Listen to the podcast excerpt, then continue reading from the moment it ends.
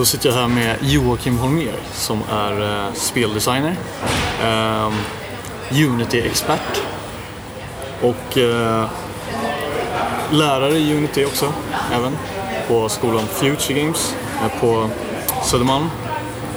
Ehm, du är även fotograf, eh, hobbyfotograf i alla fall. Ja, inte så mycket längre. Men Ah, okej. jag gjorde det för att det var kul för länge sedan. Men just nu så gör jag inte det så mycket. Nej. Men eh, du håller också på med musik lite grann i alla fall va? Eh, och eh, eh, ja, programmerar också. Du är all- allroundig skulle jag säga som speldesigner. Ja, indieutvecklare antar jag. Ja, Gör det jag måste göra. Liksom. precis. Alright. Um, men det är du då, kort version av, av, av dig Joakim. Eh, jag tänkte höra, eh, skulle du vilja berätta lite om din väg in i spelbranschen? Hur den har sett ut? Ja, absolut. Ehm, hur långt bak ska jag börja? Ska jag börja när jag var liten och hur intresset började? Eller ska jag... Ja, det kan du göra. Eh, Jag har aldrig, alltid varit intresserad av spel sen jag började spela dem och se andra spela spel. Så det började med att jag... Jag tror det började med att min pappa spelade spel. Eh, så han spelade mycket på Playstation. Så tittade jag på när han spelade många kvällar. Så det var istället för nattsaga liksom, så låg vi och tittade när pappa spelade. Ehm, det, var, det var väldigt mysigt. Ehm, så sen så när man blev äldre blev jag mer intresserad av att faktiskt spela spelen själv också och, och testa dem. Eh, ja, kom in i dem mer och mer på det sättet. Eh, och sen så Sen därifrån så, jag vet inte riktigt varför, men av någon anledning så tyckte jag det var väldigt roligt att gå in i level editors. I, i stort sett alla spel jag kunde hitta en level editor i så öppnade jag den och gjorde banor för att det var väldigt kul att göra det. Eh, och det var, jag aldrig riktigt, hade aldrig provat att göra, skapa digitala saker på det sättet förut så det var i stort sett första gången jag hade gjort någonting interaktivt. Eh, och jag tyckte det var jättekul att göra det. Eh, så det började med Playstation i stort sett. Sen därifrån så, efter ja, massa Playstation-spel och hela den eran så att säga, så eh, fick jag till slut en dator. Eh, och där, på datorer så är det lite lättare att modda för du har tillgång till alla filer. Eh, Så då gick jag över till att modda massa, massa små spel. Jag moddade Elastomania, eh, Liero, eh, ja, massa mindre pusselspel som jag hittade. Mm. och det var, det var mest enkla grejer, typ byta ut texturer eller ändra hur starkt ett visst vapen var eller något sånt. Liksom. Eh, så det var liksom det- experimenterande bara, eller kolla hur det funkade eller? Ja, precis. Bara kolla hur det funkar och testa och se vad som händer ifall jag ändrar det värdet till det och hur det ändrar gameplayet och sånt också. Ehm, Så jag tror att min, min första faktiska mod var nog till första Liero. Ehm, Så ja, Liero är ett väldigt simpelt 2D-spel med destructible terräng där du har massa olika vapen du kan skjuta varandra med. Ehm, Och i den så, så gjorde jag en mod där Eh, just det, alla, alla vapen var olika frukter, så man sköt äpplen och man sköt apelsiner. Och, så, så äpplen skulle ju gå sönder bara när man skjuter dem och apelsinerna skulle gå sönder och bilda klyftor som sen skulle explodera. Ja, så det var, gjorde en mod där man sköt frukter istället. Så, Okej. ja, det var min Lero-mod. Liksom. Eh, Har du kvar den? Det vet jag inte. Den låg på diskett till och med Okej. någonstans. Jag, jag vet inte vart den är någonstans längre. Men jag kommer ihåg att jag tog med den till, till skolan flera gånger för att köra med kompisar. Så, så det var mitt, mitt speltest. Då, då tog jag med disketten med Lero-modden till skolan. Nice. Men det var, det var nice. Så, sen så blev det ju mer och mer seriöst därifrån. Ehm, så den, den första 3D-editorn jag satt i var nog level-editorn till Serious Sam, tror jag det var. Eh, ja, Serious Sam, The First Encounter. Så där, det var första 3D-editorn då man byggde levels och satte ut fiender, satte ut triggers, props och allt sånt där. Ehm, och det var, det var jäkligt kul. Jag hade aldrig gjort något liknande liksom, där, du, där du kan bygga miljöer. Jag, för mig var det fortfarande så här mystiskt hur man ens gjorde spel. Eh, så ja, det var jättekult att kunna sätta ihop sådana banor. Eh, Så från, från Serious Sam gick jag sen över till Source-motorn och gjorde banor till Half-Life och eh, Team Fortress 2. Eh, Så Team Fortress var första gången jag gick in på det seriöst. Eh, För Team Fortress hade en ganska hade en ganska vivid community med massa personer som gjorde banor och de ordnade många tävlingar och sånt också och jag tyckte det var kul att vara med dem. Eh, och även Valve som, ja, som äger IP till spelet, de, de promotade den communityn genom att de, de köper banor av communityn ifall de tycker att en bana är tillräckligt bra. Så det var en extra morot liksom för att det skulle vara skitkul ifall de ville göra det någon gång. Just. Ehm, så att då gick jag in ganska mycket in på att göra banor till Team Fortress 2. Ehm, och var, och då, då var det verkligen första gången jag hade en ordentlig speltestingprocess. Jag testade den på en server, tog feedback, släppte alfaversioner, betaversioner och sånt där. Ehm, ja, N- så- när var det här ungefär? det var... Jag ska se, då gick jag i gymnasiet. Så gymnasietiden. Ja. Det var, det var innan jag började själv på Future Games, så det var ja, gymnasiet. Ja. Ehm, och det var det jag sökte till Future Games med också. Så det var ett långt designdokument på en av mina banor till Team Fortress Okej. ehm, som jag sökte till Future Games. Ja, sen så började jag på Future Games och där, där tar de in jättemycket branschfolk, man får träffa massa personer med samma intresse och där gick det ganska fort att komma ut i branschen. Man känner sig nästan en del av branschen när man är på Future Games och får träffa så mycket folk. Eh, så det, jag tror att det, det första, första gigget som faktiskt var i branschen då jag gjorde något jobb, eh, det var nog när Sherd, vår lärare, ville eh, han hade blivit kontaktad av Valve att göra promotional banor till hans spel The Ball inför Portal 2. Just det. Och det var, det var att Valve kontaktade 12 olika indie-teams tror jag det var. Eh, och då, var- då hans spel var då en av de indie-teamsen.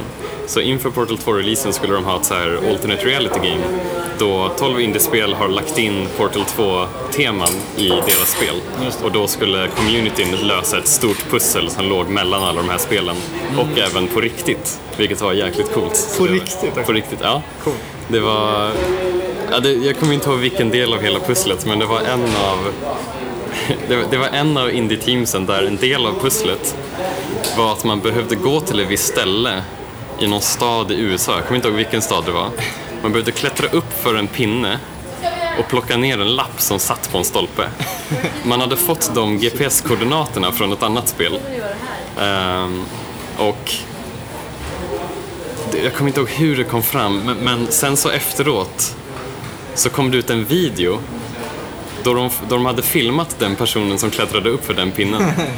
Eh, Så de släppte den videon. Ah, cool. Och alla var så här, va? Varför filmar de den personen som hittade lappen liksom? Och det blev, ja, det var en hel community som försökte lösa hela det här pusslet. Ah. Och, och då i den videon när han klättrade upp, då åkte det förbi en lastbil med en stor skylt på sidan som var en del av pusslet. Så det var, ja, det var jättecoolt. Så, ja, det var jättenice att få vara med i hela den processen. Ja. Eh, Så, så min del i det var att jag, jag gjorde Portal 2-banor i eh, The Ball i stort sett. Så vi fick, ja, vi fick tag på Valves Portal Assets innan Portal 2 släpptes, vilket är jävligt coolt och nice. Um, ja, så vi fick bygga banor och, och sådär. Vi fick till och med requesta dialog för GLaDOS att ha i banorna, så det var, det. det var jävligt nice. Det är coolt. Mm, Och, det- det och det var- blev en DLC som släpptes på Steam va? Precis, och den, eh, den släpptes gratis. Så, Okej. ja. så, så har man The Ball så får man den delen. Så. Ja, det var skitkul och det var ett jättebra sätt att komma in i branschen också. Eh, och det var, det var mest för att ja, vår lärare körde, han frågade bara, vill ni, skulle du vilja vara med på det här projektet? Liksom. Så jag var så här, ja, ja visst. Så jag visste ju inte vad det var för något och han fick ju inte säga något förrän jag hade skrivit under ett NDA. Liksom. Så Ja, jag, det visste inte vad, vad det var ens. Nej, nej. Det var, allt det här var ju under NDA förrän Ah. det hade släppts. Liksom. Eh, Och just eftersom Valve är ett så stort företag så allting måste ju vara superhemligt. Liksom. Mm. Så, så i början så, så vi designade banorna innan vi ens visste att det hade någonting med Valve eller Portal att göra. Eh, så att han, han sa bara så här, ja men vi kommer ha, det kommer se ut lite som The Ball gjorde innan, fast vi kommer integrera ett nytt tema i det. Det kommer vara ganska så här ljust och cleant jämfört med så som det var i The Ball. Liksom. Eh, Vi var så här, okej, men, ja, ljusare tema liksom. Vi, vi hade ju ingen aning om att Valve skulle ha någonting med det att göra. Eh, Shit vilken bomb det måste vara. Ja, verkligen. Och, och, han, eh, och han sa också det så här att... Eh, vad var det han sa? Jo, just det, han sa att de hade lagt in eh, en ny fiende som är en turret. och, och jag och Marco då, som, som var med i det här projektet från Future Games, så, så när vi ritade våra banor, då ritade vi in Portal Turrets Nej. i våra banor. Innan vi ens visste att det hade någonting med det att göra. Liksom. Så, Ja, för jag kommer ihåg jag frågade honom, vadå, är det typ som Portal Turrets? Liksom? Och Sherd bara, ja, det är som Portal Turrets. Sen när vi hade designat banorna och Sherd gillade de designs som vi hade, då, då fick vi skriva under NDA och då fick vi reda på att det faktiskt hade med Portal att göra. Så det var, lite absurt och Coolt. skitkul verkligen. Så det var nice. Hade ni hade inga så här föraningar? Alltså, eller det är väl ganska... Nej, alltså, det, är ju så otippat. Ja. Så, så vi hade ju inga föraningar om det. Liksom. Så vi, vi tyckte bara det var nice att få en chans att liksom, vara med och göra DLC som ska släppas på Steam och Ja, liksom, faktiskt vara credited i någonting som var släppt. Um, alltså det var ascoolt. Um, ja, det, så det var väl den första. Um, sen så var jag också en del av Unmechanical-teamet. Just det. Eh, Så Unmechanical var ett projekt som jag var inte med i den gruppen från början utan jag hoppade på efteråt och gjorde eh, modellering och level art eh, och ja, men shaders och ljussättning och sånt där. Eh, så, så det var också coolt att få med i Unmechanical. Så det, och det släpptes ju också efter, efter ett tag. Just det. det just det, det fick... Eh, vann det SGA också eller något sånt där? Det var... Ehm, nej, Ah, Okej. det vann Honorary Mention på SGA. Okej. Vilket var ett pris de skapade efteråt. När de, de, de tyckte att vi förtjänade Honorary Mention, men, eh, ja, så de, de la till den. Okej. Men eh, det riktiga priset kändes som att det var att när vi, i samband med att vi vann det priset, då annonsade de att Epic Games hade gett oss pengar också. Jaha. För att, i, i hela den grejen. Så, så det kändes som att vi nästan vann den i alla fall. Liksom. Så för oss kändes det som det i alla fall. Eh, så det var, det var jättenice. Kul. Mm. Ehm, var, var hamnade du sen då efter utbildningen och sådär? Eh, eller vad gjorde Ehm. du då så att säga? Efter utbildningen, ja praktiken är ju en del av utbildningen så det mycket går ju via praktiken. Ehm, så det började med, ja, det, nu, nu låter det här som ännu en så konstig historia med hur man får jobb i spelbranschen men jag var, ja, det var under tiden som vi skulle söka praktik på Future Games Eh, och då då brukar det vara så att man skickar sitt, sin portfolio, sitt CV till företag och ser vem som svarar och allt sånt där. Ehm, men under hela den perioden så, så var det någon gång jag åkte hem med min klasskamrat Jesper. Eh, så jag var på tunnelbanan på väg hem eh, och vi, vi stod upp på tunnelbanan och bara diskuterade spel och generellt. Eh, jag kommer inte ens ihåg vad vi pratade om. Eh, det hade med spel att göra i alla fall. Och då var det en som stod bredvid oss som sa som bara frågade ifall vi var spelutvecklare eller inte. Och vi sa, ja, jo, vi, ja, vi pluggar till att bli spelutvecklare just nu. Liksom. Och han sa, ja okej, ja, jag, jag, heter, jag heter Björn, jag jobbar på Avalanche.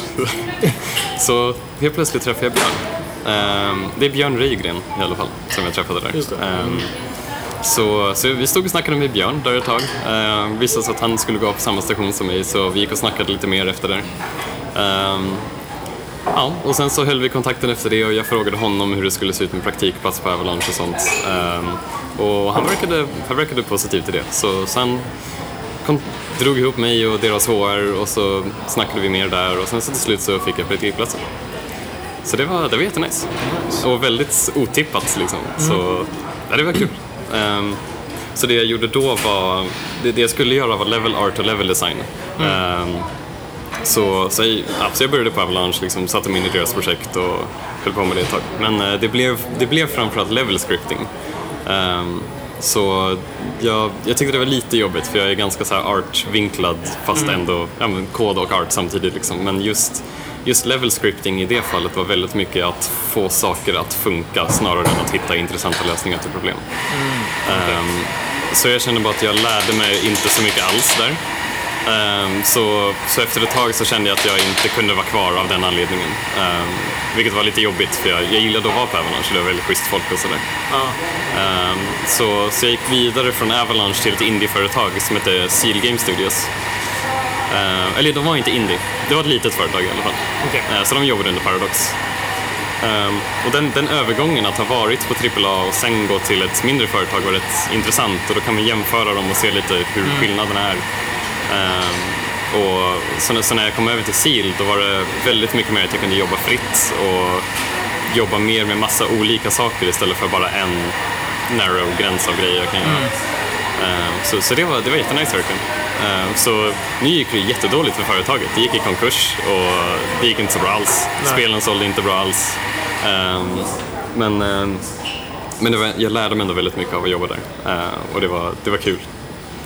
Vad skulle du säga är den största skillnaden, eller var den största skillnaden för dig, alltså när du var på ett AAA-företag jämfört med, ja, eller ja, ett mindre företag då? Mm. Ja, det är framförallt friheten. Ehm, och att på ett större företag känns det som att det, är väldigt mycket svårare att ha något att säga till om när det gäller saker som egentligen inte är inom ditt område. Okej. Ehm, för då, jo men du sitter där med väldigt många personer eh, och du sitter med, i och med att det är så många personer så kan du inte sitta bredvid en grafiker som designer. Utan grafikerna har sin egna sektion liksom, där de har sina karaktärsgrafiker, de har sina GUI-grafiker, de har sina effektartists och allt sånt. Eh, så, så som level scripter hamnar du ju ganska långt bort från dem och närmst hamnar du ju till programmerarna men mest runt level designers och level scripters. Så i det fallet så då känns det som att det är väldigt svårt att gå bort till någon annan och säga ja men skulle det inte vara coolt ifall den var så här? Utan det blir, bara lite konstigt liksom och speciellt när de har jobbat i branschen så länge och det är en stor studio och sånt där.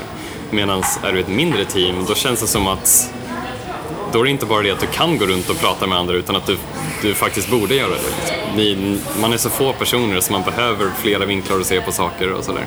Eh, Så det kändes mycket mer fritt på det sättet. Eh, Men sen är det också en del av det att jag, jag gillar att jobba cross-disciplinary, att göra liksom lite allt möjligt. Eh, Och jag brukar bli ganska obekväm med att göra samma sak hela tiden. Så det, det är mest att det passar mig personligen också. Okej. Alright. Um, kan, kan du berätta någonting om vad du, vad du håller på med för tillfället? Jag, jag vet att du har en del har en del projekt på gång och sådär men jag tänkte till exempel, eller vi kan ta det här först förresten. Um, skulle vilja berätta lite om uh, Shader Forge som, uh, Just det. Ja. som du har utvecklat. Ehm, ja, det, nu ska vi se, var ska man börja där? Det, kanske börja med att berätta vad det är för de som inte vet förresten. ja, Uh, uh, Shaderforge, det är en nodbaserad shader editor till Unity. ehm, som gör det lättare för folk att göra shaders. Så tidigare i Unity så måste du programmera shaders med kod medan med Shaderforge kan du göra det med noder vilket är mycket lättare för någon som är mer, ja, tänker mer visuellt. Ehm, och även för någon som vill jobba snabbare. Ehm, så ja, det är Shaderforge. Yes. Så, så Shaderforge började...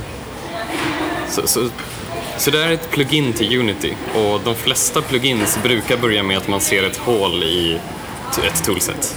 Du har ett toolset av vad du kan göra i en motor och sen märker du att det här, det här featuren saknas verkligen och sen så gör du ett, ett plugin till det. Det. Eh, och för min del så, jag började ju jobba i Unreal-motorn. Eh, eller jag började i Source och sen gick jag till Unreal. Men i Unreal så fanns det materialeditor. Eh, och det var en nodbaserad shader editor i stort sett. Precis. Och den var jätteanvändbar genom hela Unmechanical och genom The Ball-projektet också.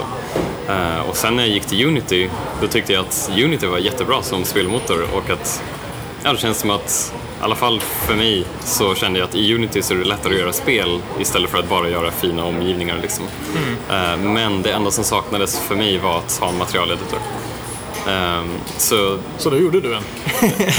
Ja, lite så. Fast det, ja, det var lite längre process innan jag faktiskt bestämde mig för att göra det. Liksom. Så, alltså, så, ja, jag, jag var ju lärare på Future Games också, eller jag handledde i alla fall, eh, under Unity-projekten.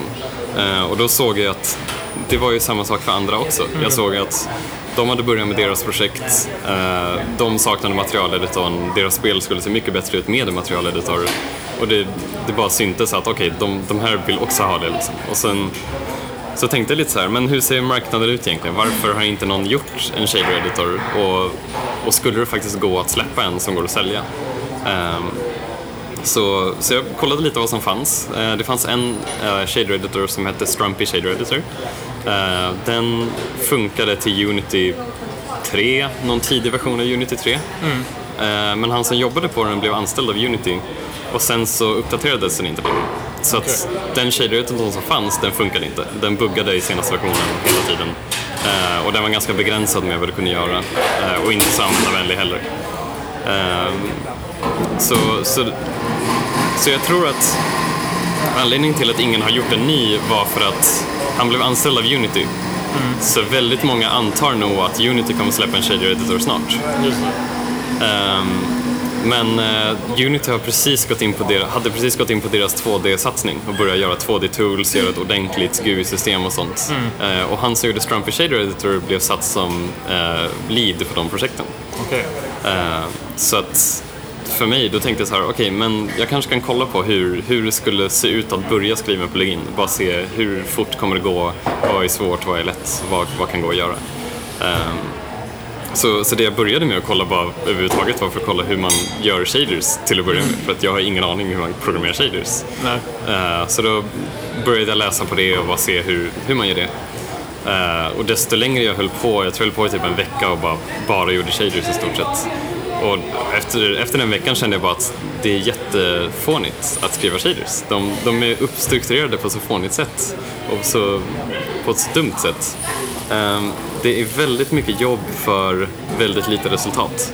Ehm, och det känns konstigt att jobba i kod när man ska göra någonting så visuellt som shaders. Ehm, så jag, det blev en extra motivation att börja göra Shaderforce för jag kände att det, det är bara fel att skriva shaders för hand. Ehm, så, ja, så det jag gjorde direkt efter var bara börja kolla på hur man gör editor-plugins, hur man sätter upp ett fönster, hur man sätter upp knappar i dem, hur, man, hur jag skulle kunna skriva till en fil för att göra en shader och sådär. Ehm, så, så jag började med en väldigt enkel start att jag gör en knapp, så trycker jag på den, då ska den skriva in shader-kod i en fil. Liksom. Och sen så, okej, okay, det funkade. Och då, sen gick jag därifrån, liksom, bara fortsatte att lägga till mer och mer features, lägga in noder och allt sånt där. Mm och, och det gick jättebra och sen så körde jag en, en beta på den också bara för att få feedback och se vad som behövs och så fortsatte jag med det tills, tills release i stort sett. Just det. Eh, och, nu eh, finns det Ja, nu är den ju släppt på, Ja. på Unitys Asset Store. Ja, Yes. ja, så nu finns den, nu är den ute och finns att köpa. Nice. Mm. Ja, men det, det har gått jättebra verkligen också. Ja. Och det, så just nu så finansierar Shaderforge vårt företag i stort sett. Okej, Eh, så ja, det, det är jätteskönt. Grattis. Ja, tack. Härligt. Men eh, det, det var ju någonting som man... Det känns som att det var en... Eh, någonting som många ville ha liksom också. Det blev väldigt uppskattad eh, när den släpptes. Ja. Vad jag har förstått i alla fall. Sådär. Ja, men jag tycker att Unity har halkat lite efter på hur de, i alla fall innan Unity 5, då satsade de inte så mycket på grafik överhuvudtaget. Eh, och det märks till stor del. liksom. Det, det är väldigt mycket som handlar om hur lätt det är att göra, hur man har programmera och designa eh, och allt sånt där. Eh, men Unity har alltid legat efter i grafik. Jo. Så, så precis innan Unity 5 så såg Unity sämre ut än Unreal Engine 3. Liksom. Så att det, ja, det, det är bara konstigt. Men eh, så de, de verkar ha satsat mer på det nu med Unity 5 i Jo. alla fall. Så det är skönt. Precis. Så du, men den här övergången från eh, Unreal till Unity, Mm. eh, kan du säga någonting kort om det? Varför, det blev, varför du gillade Unity mer så att säga? Eh, framförallt att jag kunde börja göra spel. Okej. Eh, i, I Unreal kändes det som att jag gjorde banor som jag vred till att se ut som spel. Okej. Eh, så, så i Unreal, ifall du, du börjar med en FPS-kontroll liksom, när du trycker på play i Unreal. Eh, du, du har en gubbe som spånar, du kan skjuta med vapen och allt möjligt. Och det där var ganska hardcoded in i motorn, i alla fall i Unreal Engine 3. Jo. Eh, så då fick man liksom, börjar du med ett nytt projekt fick du först backa bort från en FPS-modell och ta bort kod och städa upp en massa. Eh, men problemet med det också var att det var jätteodokumenterat. Det fanns knappt någon dokumentation alls på hur man kodade i Unreal. Eh, Så det kändes som att de som visste hur man programmerade Unreal, de är redan anställda på företag för att det är ingen annan som vet hur man gör. Liksom. Eh, jättedåligt med tutorials, ingen dokumentation och ja, jag visste inte vart man skulle börja. Liksom. Så, så då slutade det med att man gjorde allting i deras visuella scriptingspråk i Kismet. Eh, och Kismet var ju ganska mycket sämre än Blueprint är i Unreal Engine 4. Eh, så det, det var ju massa hack man fick göra för att få saker att funka. Liksom. Eh, ja, det bara då, kändes då hade de att... sitt egna, va? Så Unreal Script eller någonting? Ja, precis. Ja, precis. Ja. Ja, nu, nu är det ju C++ va, som... Mm. Ja, du, I Unreal Engine 3 kunde du göra både C++ och Unreal Script. Ja. Men de tog bort Unreal Script och gjorde Blueprint istället Just det, i 4. exakt. All right. Ja, nej men det, det är framförallt att det, det känns som att det går att göra spel i Unity rakt av. Liksom. Det är jätteväl dokumenterat. Eh, jättemånga personer har stött på alla möjliga problem man kan tänka sig stöta på. Så att googlar efter saker så hittar du lösningar. Eh, så det, det kändes bara jätteskönt på det sättet. Yes. Ehm, jag tänkte att vi kan prata lite om några spel som du, som du har gjort, eller varit med och gjort. Ehm, Det senaste som jag såg var ju Foot to Ball. Ja. Eh, har du lust att berätta lite om det? Eh, ja, visst. Um, Football, det är, det är ett spel som jag och Marco Permanto gjorde under ett game jam. Det var han jag jobbade med under The Ball-projektet också. Just det. Ja. Um, jag har gjort två spel som har ball i titeln. Eh, hur som helst, så ja. Eh, så, så det gjorde vi under ett Game Jam, det var över en helg. Eh, det var under eh, det var ett Game Jam som Rami Ismail startade. Eh, Han eh, Hela idén med Game Jammet är att du skulle göra ett spel i en genre du hatar. Ah, Eh, okej. och, och varken jag eller Marco gillar så generiska fotbollsspel för det känns som att de släpper samma sak varje år med så Ah. lite mer polish på. Liksom. Eh, så, ja, så, så då, tänkte jag ja, men då, då gör vi ett generiskt fotbollsspel fast vi vrider det till någonting som vi faktiskt skulle gilla. Mm. Eh, ja, så det blev Football, ett väldigt whimsical partyspel. Så, Men det, st- visst är det man styr hela laget eh, Mm. samtidigt? Va? ja. Just Eh, så du, du styr övre vänstra hörnet av ditt lag med vänstra, kontroll, äh, vänstra spaken och övre, eller nedre högra hörnan av ditt lag med högra kontrollen. Högra spaken. Ursäkta. Ja, så du använder dina spakar för att kontrollera varsin hörna av laget. Liksom. Så, med det så kan du flytta hela laget, du kan ändra storlek på hela laget och, ja, och därmed röra dig runt hela kartan. Eh, och sen så har du en knapp för att sparka och en knapp för att hoppa. Eh, och såklart så när du trycker på sparkknappen så försöker alla sparka på hela ditt lag och trycker på hoppknappen så hoppar alla på ditt lag. Just det. Eh, ja, men annars så funkar det ja, lite som fotboll. Du, du ska sparka in en boll i motspelarens mål. Så, ja. Yes. Ja, det ser väldigt kul ut. Jag har inte hunnit testa det, men, eh, men, det, men det går, visst är det, det går att ladda ner Mm. eh, gratis? Ja, det finns... Jag vet inte riktigt hur man kan hitta det. Jo, man söker på foot to ball med bindestreck emellan på Youtube så tror jag man hittar en video och på den så finns en länk till där man kan ladda ner. Just det. Man kan ju googla på ditt namn, alltså Joakim Holmér också. Det kanske Så man kan får göra. man upp det på något sätt tror jag. Ja, det kanske. Om man söker på det och foot to ball så borde man hitta Ah, det. okej. Right. Jag får skriva... Får köra en länk eh, sen Ja. någonstans. Yes. Um, Football, ja. Ehm, du har gjort ett annat spel också, eller? Det är väl fortfarande under utveckling? Som heter Flowstorm. Ja, eh, vi jobbar inte på det just nu. men, eh, okej. ja, det, var, det var ganska länge sedan. Mm. alltså, så Flowstorm, det, det började som en prototyp på Future Games. Jag tror vi hade någon så här, under våran Unity-kurs så fick vi vi fick två dagar på oss att göra vad vi ville i stort sett. Så skulle vi sitta två och två och bara göra någon liten grej.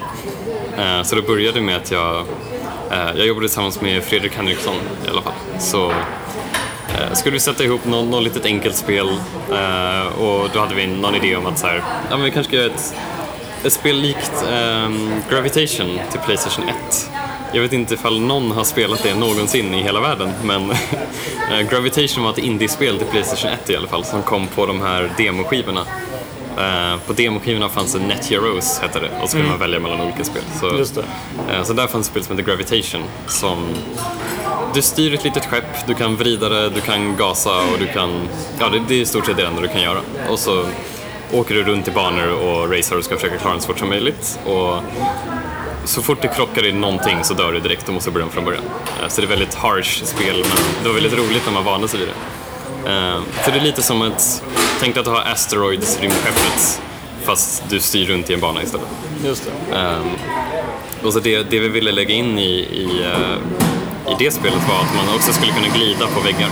Eh, glida, på, ja, men, glida på väggar och tak och golv. Ehm, för att liksom behålla momentum genom hela banan. Ehm, ja, så det var bara en liten, liten prototyp vi gjorde. Ehm, men sen så efteråt så blev jag intresserad av att fortsätta med att göra det för jag kände att det hade potential. Så, så jag och eh, Jenny Nordenborg som också gick på Future Games, vi startade ett företag och så började vi liksom jobba på Flowstorm seriöst och tänkte att vi skulle göra en Kickstarter för det. Eh, Så vi jobbade på det ganska länge för att få upp det till en polish nivå så att det var ja, men, snyggt och funkar bra. Liksom. Eh, Så vi kom väldigt långt på det. Eh, Det var under den tiden jag var på SIL. Okej. Eh, Så, ja, och sen så, sen så la vi upp en Kickstarter på det eh, som inte gick igenom. Eh, Och det känns som att det händer ganska ofta att antingen så går de igenom eller så går de inte liksom, antingen går de igenom eller så går de inte igenom alls. Eh, Det är väldigt sällan någon kommer till hälften och sen inte klarar det. Liksom. Eh, Men i vårt fall så gick det inte igenom alls. Och det dödade vår motivation totalt och så har vi inte jobbat på det. Liksom. Vi har knappt jobbat på det sen dess. Eh, Men, eh, men ja, så, så ja, Flowstorm, det, Jag gillar det fortfarande, så vi kanske kommer plocka upp det någon gång och, och göra klart det. Det vore kul. Det, det är riktigt, eh, jag har t- testat det, det är riktigt eh, beroendeframkallande. Ja, nej, det, det är lite min också. Ja. Det, det är ganska likt, eh, jag spelade jättemycket Trackmania förut. Ah, okej. Eh, Och i Trackmania kan du göra egna banor, så det, är också, ja, det fanns en level editor så jag fastnade för det. Ehm, men alltså, så det är väldigt likt Trackmania på det sättet att det, Flowstorm har också en level editor. Eh, och det är väldigt mycket om att du ska det, det är ett racingspel fast du tävlar inte mot andra bilar utan du snarare tävlar mot klockan. Eh, och det är väldigt tight och du kan starta om fort och verkligen få jätte, ja, men försöka få en bättre och bättre tid. Eh, och det, det jag verkligen försökte pusha med i Flowstorm var att det skulle vara så skillbaserat som möjligt. Eh, så att i stort sett det jag ville skulle vara att en nybörjare borde vara jättemycket dåligare än en som har kört jättelänge, fast med samma förutsättningar. Just det. Så att någon, de spelar med samma raket. Liksom. Det finns ingenting som skiljer de spelarna åt, förutom att de har kört olika mycket. Eh, så, så jag ville verkligen pusha på det och få det att bli så skillbaserat som möjligt.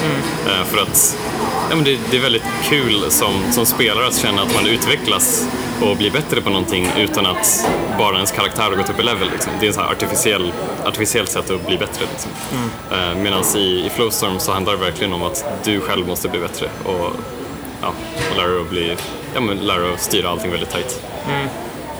Men eh, jag, jag tänker på det, just, det där är jätteintressant. Um, för man brukar ju säga typ att, eller jag hörde det nyligen i alla fall, att typ ungefär 20 timmar, sen är man typ, sen har man pikat på sin liksom skill i, i, eh, ja, i den typen av spel så att säga. Eh, hur tänkte ni kring det? Hur menar du? Hur vi ska få folk att gilla spelet? Ja, nej, men eh, det är ofta därför man gör sådana artificiella liksom, upgrade-system och så vidare. För att man ska känna som att man progressar fast man kanske inte gör det i skill egentligen. Ehm, har, ni, har ni några tankar kring det? Så att man inte liksom... Jag menar bara så att för att, för att behålla eh, liksom, längden eller vad man säger. Alltså det, det vi gjorde då var att vi, vi kom inte så jättelångt på det, ehm, men vi ville lägga in flera raketer. Så det finns flera raketer du kan köra med och de ska vara ganska olika. Så att ifall du är jättebra med en raket kanske du fortfarande är jättedålig med en annan för att du knappt har kört med den. Ehm, så att, ja, vi, vi hann inte lägga in det i spelet, men någon gång kanske det kommer. Ehm, men sen så har vi också såna här vi, vi hade olika challenges på varje bana. Eh, Så att istället för att bara klara en bana på så fort som möjligt så la vi in grejer som att du ska klara banan så fort som möjligt utan att släppa gasen. Till exempel. Mm, Och en sån grej är ganska mycket svårare än att bara försöka klara den så fort som möjligt. Eh, Så, så vi hade, jag tror vi hade fem olika sådana. Vi måste räkna vidare. Vi har en där man ska klara banan så fort som möjligt. En där man ska klara den så fort som möjligt fast gasa hela tiden. Eh, En där du ska klara den så fort som möjligt utan att svänga höger. Och en som är samma fast åt vänster. Eh, och en som är att du ska klara den så fort som möjligt utan att nudda någonting. Oj. Eh, och just det, till sist den som jag tycker är mest intressant är att du ska klara en bana så, med att använda så lite bränsle som möjligt. Okej. Eh, och att de, de, är, de är ganska olika, man spelar på väldigt olika sätt med dem, förutom när man svänger åt olika håll. Liksom. Ehm, så det, det lägger till ganska mycket till varje bana och du måste bli bra på olika saker i dem. Ehm, så till exempel den här där man ska klara en bana med att använda så lite bränsle som möjligt. Den, där spelar man ju helt annorlunda. För där, där har du inte tidspress på dig. Utan då, där handlar det bara om att du ska behålla ditt momentum genom banan så bra som möjligt. Just det. Ehm, och det var ganska kul för vi, vi hade en levande community kring det här ett tag. Eh, och just, just de här fuel-tiderna som de kallades, eh, då det blev lite av ett metagame kring det hela för att folk började hitta sätt att klara banor bättre och hitta så här, några ställen man kunde spara lite mer bränsle och sånt. Eh, och allt det kommer i stort sett av att det är gratis att vrida din raket. Du kan, du kan svänga din raket utan att ta något bränsle. Det är bara att gasa som tar bränsle. Eh, Så att ifall du är på en platt yta och vrider ditt skepp, då kan du börja gå framåt utan att ha gasat. Eh, Okej. Så folk började göra sådana saker. Så att, Ah. Och, och man börjar på en startplattform och den plattformen kan du glida ner för lite och sen Ah. vrida dig precis på kanten så då får du fart av att du Ah, vrider dig okej. loss från kanten. Liksom. Eh, Så det var Sånt där väldigt mycket. jättekul. Ja, det var jättekul och det var sånt som jag inte hade planerat från början ens. Eh, Så folk hittade alla de där grejerna och det var så jäkla kul att kolla på scoreboarden och se tider och man var så här, vad fan, är det där ens möjligt? Liksom? så ja, det var verkligen ett, ett metagame kring, kring hela det.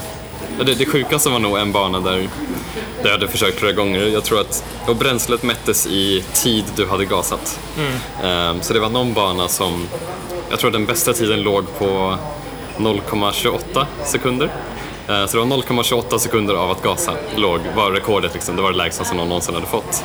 Eh, Men sen helt plötsligt så var det någon som fick ett score som låg på noll. Oj.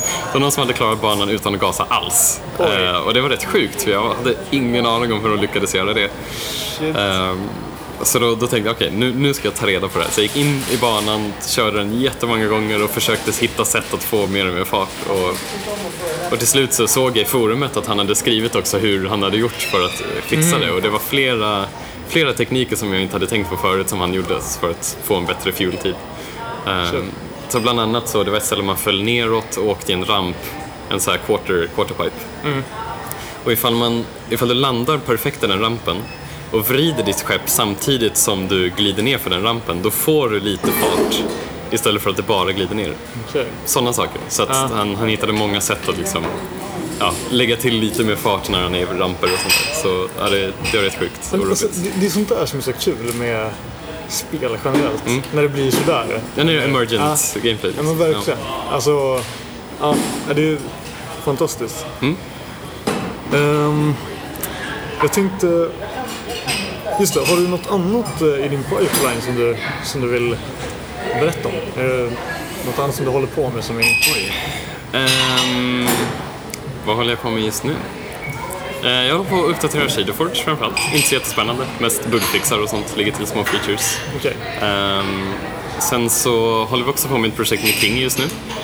Eh, så det är ett mobilspel, ganska standard pusselspel. Ehm, och det börjar snart bli färdigt.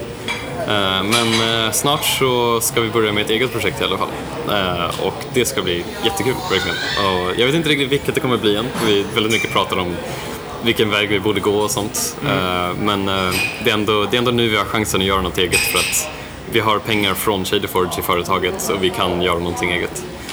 Sen om det visar sig att vi fortsätter på Flowstorm eller ifall vi ska utveckla Football till ett större spel, det, det visar sig. Liksom. Eh, ja, men det, det är det som är framöver. Liksom. Right. Så det är väl om några månader, jag skulle gissa tre, fyra eller sådär. okej. Ja, när du säger vi också, vilka pratar du om då? Eh, det är jag och Jenny Nordenborg. Okej. Det är vi två som jobbade på Flowstorm. Eh, och eh, det är vi som har vårt företag, Neat Corporation. Neat Corporation. Ja. Just det. Right. Ehm, ja, men det låter spännande. Ehm, jag tänkte höra lite också. ehm, som designer, har du några... Har du någon designfilosofi som du följer? Oj. Jag är jättedålig på sånt. Okej. Jag, jag vet inte, jag, jag brukar undvika sånt. Jag vet inte varför, men jag brukar undvika sånt medvetet för att inte bli tainted av Ja. åsikter. Liksom. Eh, jag, jag tror att min... Jag, jag brukar bara försöka sätta mig in i spelarens situation så mycket som möjligt. Se vad de, vad de redan vet, vad de vill lära sig, vad de kan göra, vart de är på väg, vart de vill gå någonstans och sånt där. Så, jag vet inte, det låter jättegeneriskt men det... Ja, försöka applicera så mycket common sense som möjligt. Eh, Men om vi tänker när eh, steget innan det, liksom, när, du- när du kommer upp med idéer och alltså, om vi säger så då, vad, vad inspireras du av eh, när du gör ett spel?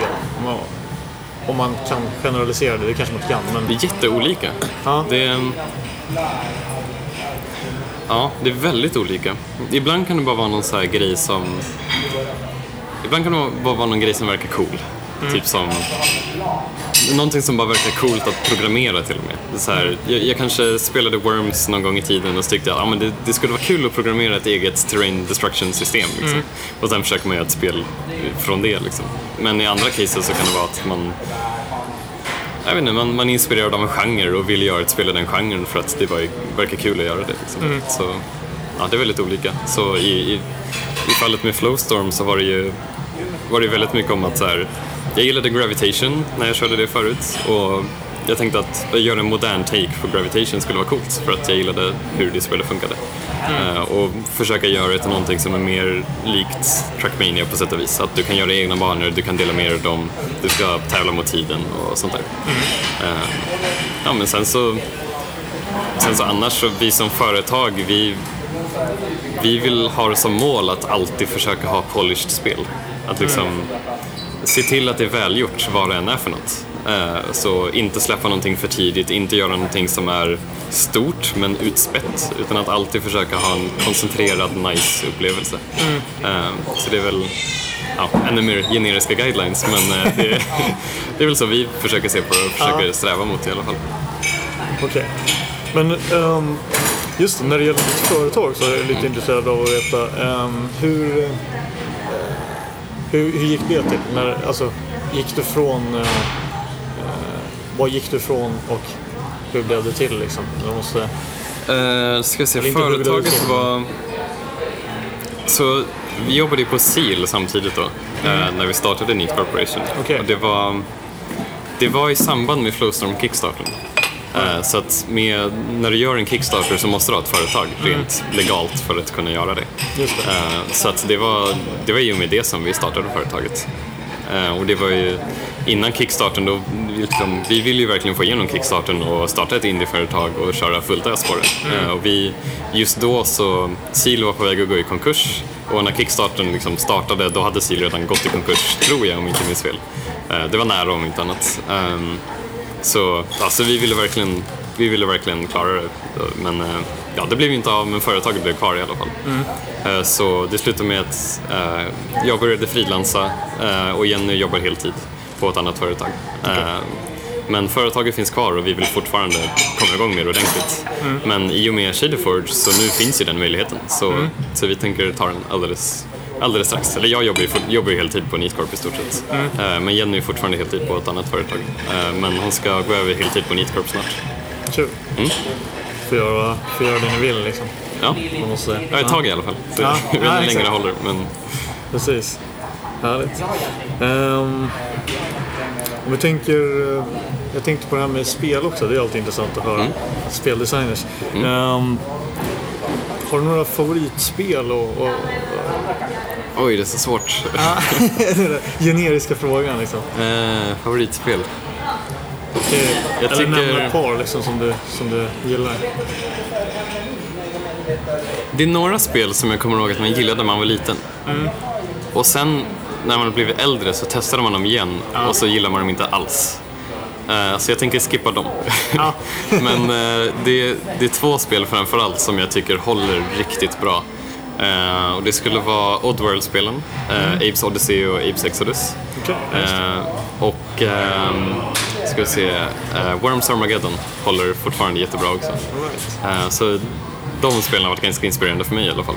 Ehm, så, om man bara, Oddworld-spelen, de var så jäkla...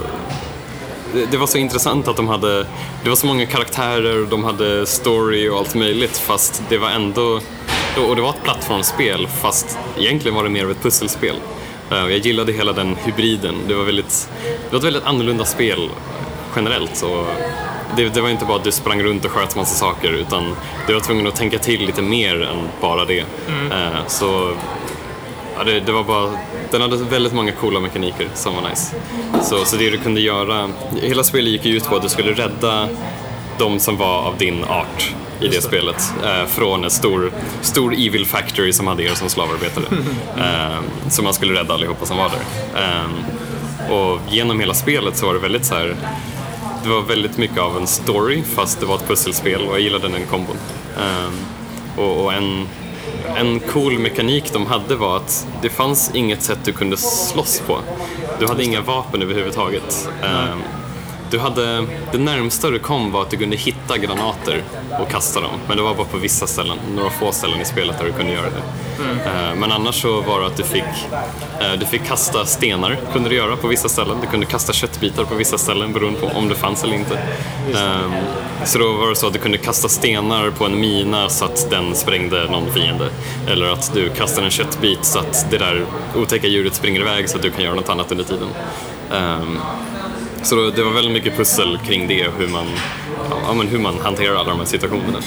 Eh, och det blev ganska mycket mer komplexitet av att du också kan kommunicera med eh, alla dina mudakons som är din ras. Eh, så man kunde säga till dem att man kunde säga hej och så reser de sig upp och så kan man säga åt dem att följa efter den så följer de efter den och sånt där.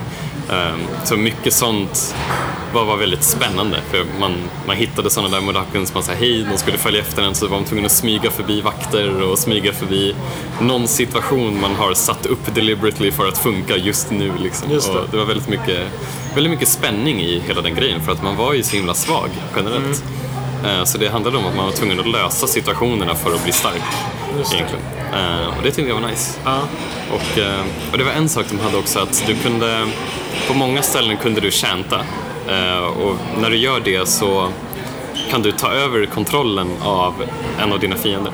Just det. Ja. Ehm, Och jag tyckte det det, var cool mekanik. det var en jättenice mekanik för att när du gör det då, visst du får tag på en fiende och vissa fiender har vapen så då kan du gå runt och skjuta saker. Ehm, Men en grej, en grej som jag tyckte var så nice med det är att du, du får ett vapen, du får väldigt mycket kraft men det är egentligen inte du som har fått den kraften utan det är, fi, det är fortfarande fienden som har den powern. Just det. Så att man känner sig fortfarande svag även fast man kan ta över dem på det sättet. Liksom. För man själv blir ju inte starkare genom Nej. spelet. En lånad kraft liksom. Ja, precis. Och så det, om något så etablerar du bara hur kraftiga fienderna är. Eh, så att det var... Jag tyckte smart. Ja, jag tycker det var jätte, jättenice mekanik och det funkade verkligen genom hela spelet. Det är fortfarande, fortfarande svårt spel rakt igenom, liksom. men, men välgjort och riktigt bra. Och de, de hade också det här med att Ja, men de, de har rätt skalbar difficulty. Du kan, du kan försöka rädda alla 300 Mudakun som du vill. Eh, men det är svårt. Riktigt svårt att göra det. Eh, I alla fall i... Ja, 300 var det i andra spelet tror jag. Jag tror det var 100 i första. Nej, 99 var det. Okej. Ja, det, ja, det, det var bara väldigt kul det spelet. Och det är välgjort och väldigt snyggt för sin tid och allt sånt där. Så det var coolt. Eh, Ja, jag kommer ihåg det där. Jag har faktiskt aldrig spelat det, men det... de, de, har släppt en, eh, de har släppt en re-release av eh, Apes Odyssey.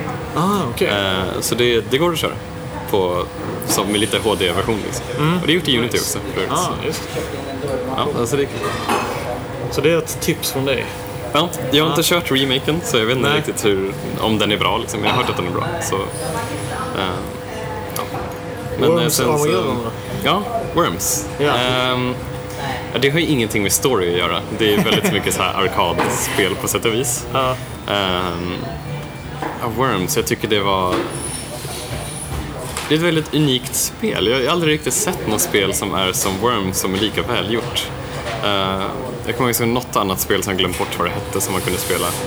Eh, men just det här att det, det är turbaserat, du har väldigt många olika vapen du kan välja mellan. Eh, och det är väldigt mycket strategi i Worms. Det är väldigt mycket att du måste tänka vad de andra kan tänkas göra vid det här tillfället och vad de kommer göra liksom fem turns framöver och så. Eh, och det ligger väldigt mycket djup i Worms än vad, vad det kan se ut att göra. Eh, och jag tycker den, den grejen är så jäkla nice. Att det, det handlar väldigt mycket om att du ska försöka sätta upp situationer och förbereda inför framtiden och, och sånt. Samtidigt som det också fanns så här skill moves du kunde försöka göra. Liksom. Så det var, det var en cool blandning. Plus att du kunde köra det som casual och bara eh, använda coola vapen också. Ja precis, det kunde vill också göra och det var ju roligt det med. Så, ja, det, det var riktigt nice. Och så, så en sak jag tycker en av de, de bättre delarna i just hur Worms funkar är jag skulle säga att Worms handlar jättemycket om att improvisera. Eh, Att improvisera och försöka analysera en situation som uppstod för kanske några minuter sedan. Eh, Så det är framförallt det här med att ha destructible terräng. Så att din, banan kommer ändra form under spelets gång så du måste hela tiden tänka om hur du vill approacha situationerna som kommer och vad din fiende kan tänkas göra. Just det. Eh, Så det, det är väldigt mycket att man måste tänka, tänka ahead på det sättet. Och jag tyckte det var jättenice i Worms. Eh, Så ja, det är ett väldigt välgjort spel och det, jag tycker det håller idag också. Och det- jag tror faktiskt det var två, det var två indieutvecklare som, eh, som fick jobba vidare på Worms Armageddon. Eh, Så, så Team 17 liksom gav, gav source access till dem. Okej. Eh, Så de har uppdaterat den, jag kommer inte ihåg när de släppte senaste uppdateringen, men det var bara för några år sedan som de släppte en uppdatering i alla fall. Cool. Så ja, det uppdateras fortfarande så du kan köra det i, liksom, på nya skärmar och ha rätt upplösning och allting. Så det, Det är det, också nice. Ja, det är nice och det håller fortfarande. Det är jättebra gameplay i det tycker jag. Så, Men Worms Armageddon, det är, det, det, det är senaste versionen. Alltså. Först var det väl bara Worms och sen var det något annat, så typ Worms 2. Och Eh. så kom, kom det massor emellan. Men Det blir typ mer och mer komplicerat desto längre tiden går. Ja. För de släpper så himla många olika Worms-spel. Eh, och, ja, först var det Worms. Sen kom, sen kom Worms 2, tror jag. Eh, och sen kom Worms Armageddon ganska tätt inpå. Och sen kom Worms World Party. Ehm, Worms 2, Worms Armageddon och Worms World Party, de är jättelika. De är snarlika verkligen. Ehm, men Worms Armageddon är den som blev mest populär. just det. Ehm, Det är då det är lite mer så här cartoon i... De uppdaterar grafiken där också. Eller kanske... Det, det gjorde de redan i Worms 2. Ah, okej. Eh, Ah. Så de, de, de har samma stil som Worms Armageddon och Worms Okej, eh, World ah. Party. Så de, de ser typ likadana ut. Ehm, så, och det är väl de som är i den motorn som fortfarande, jag vet inte vad det är för motor, egen motor säkert. Ja. Men eh, det är den, den eran som ofta ses som de bästa. Ehm, sen så kommer de med Worms 3D. Just det. Eh, Den tyckte jag också var bra. Det, Du gjorde det, Ja, alltså? jag tyckte det. Den, eh, jag, jag trodde transitionen från 2D till 3D skulle bli jätteawkward, men jag tyckte den funkade. Och de hade jättebra destruction system och det enda som var konstigt var typ att de hade jättesluggish styrningar. Eh, Det var lite synd, men det fixade de i Worms 4 Mayhem som kom efter. Ehm, Och sen så, så släppte de Worms Forts, tror jag. De hade typ byggde fort och hade siege weapons och allt möjligt. Eh, det var som Worms 3D fast med siege vapen och fort typ. Eh, och sen så blev det allt möjligt för då, det är då de började det var då de började med så här mobilsatsningar och konsolsatsningar som ja, men de hade ja. Eh, de, de hade eh, Worms Reloaded, Worms Revolution, Worms någonting någonting och alla de var nyare versioner som hade några nya features men de, de, de gick tillbaka till 2D, 2D-gameplay fast 3D-grafik Just det. och de har inte alls samma känsla. Det, det känns som att de gjorde, de gjorde bare minimum för att det skulle räknas som Worms och ha lite ny grafik och lägga in nya features men det, det har inte alls samma känsla som de gamla. Det, det är framförallt Många, må, nu är det här lite details, men många av de sakerna du kan göra i Worms Armageddon är till exempel du kan ta ett baseballträ så kan du slå på en mask så den flyger iväg och nuddar en annan mask så att båda de knuffas iväg, landar på en vägg så att de studsar ner på en mina. Bara en sån grej. Ja. En grej som är så här det är en cool grej att exekuta och det är nice att kunna göra en sån sak. Eh, men i de nya Worms-spelen så de har knappt någon knockback. Eh, maskarna flyger knappt någonstans. Det är väldigt liten knockback på liksom explosioner, på Mm. melee-attacker och sånt där. Eh, och du kan knappt använda ninjarepet som man använder jättemycket för att ta sig runt. Mm. Och i de nyare versionerna så är den jättesvår att använda. Du kan knappt ta den någonstans. Eh, och det, det är lite förståeligt för den såg, det såg jättelöjligt ut när man gjorde det i de första Worms-spelen men gameplay, gameplaymässigt så funkar det jättebra. Ja. Eh, och hela den grejen försvann väldigt mycket i de nya spelen. Och, det är också så här konstiga grejer som att jag, de har väldigt inkonsekvent art style. Där saker ser inte lika snyggt ut, det ser inte lika polished ut, det buggar lite här och var, det är så här osynkade voices och ja, det, det bara känns inte alls lika tight som Worms Armageddon gjorde. Eh, så ja, det, man kan lika bra köra Worms Armageddon liksom, så, Ja. så blir det bra. Alright. Nice. Ehm. ja, har du något annat som du, som du tänker på när det gäller design eller spelutveckling som du... Nu har du chansen att säga någonting om det. Oj, är det nu jag ska inspirera the masses med... eh, Om du vill. Jag, jag skulle nog säga att en, en grej som jag alltid försöker tänka på är att försök vara så kritisk som möjligt till interaktionsdesign och alltid tänk på hur folk kommer interagera med saker och vad de redan vet och vilka symboler de förstår och vilka symboler de inte förstår. Eh, och sånt. Och jag skulle också, också en guideline när det gäller interfaces är att använd så få ord som möjligt. Tänk på hur mycket clutter du har på skärmen. Eh, liksom, kommunicera så mycket som möjligt med så lite som möjligt i stort sett. Eh, ja. Extremt generiskt tips. Men Ja, men det är ett bra tips. Ja, men till exempel ifall du har en knapp som ska starta om banan så gör inte en knapp där det står restart utan ha en knapp som kommunicerar det utan att du behöver läsa någonting. Ehm, och det har ju fördelar när det gäller localization också, det blir Jo, billigare. precis. Så, ja. Finns det några andra fördelar du kan se med att göra det på det sättet? Uh, alltså, man kan ju generalisera det till tutorials. Idag är ju, det är mer text nu än vad det var förr i tiden ofta. Mm. Eh, jag bara tänker allmänt, vad, vad ser vi för fördelar med just det här symboler och, sånt framför text? Liksom, förutom localization. ja, det är framförallt att du inte behöver läsa. Det, som, som användare så du, du ser du kan titta på den och förstå vad det är och du behöver inte läsa någonting. Och då, det känns inte lika daunting för dig. Liksom. Nej. Du, du kan bara titta på den så förstår du. Liksom. Men nackdelen är att vissa symboler funkar ju inte i vissa regioner. Det är mycket sånt där som, ja, men som kanske är lättare att förstå i västvärlden liksom. Och sen så funkar det inte alls i Asien. Liksom. Så, Då måste man ha koll på symbolerna där Precis. också. Då. Ja. Så, så det är vissa saker som inte funkar. Liksom. Men, men det är väl bara att försöka vara så kritisk som möjligt. Och sådär.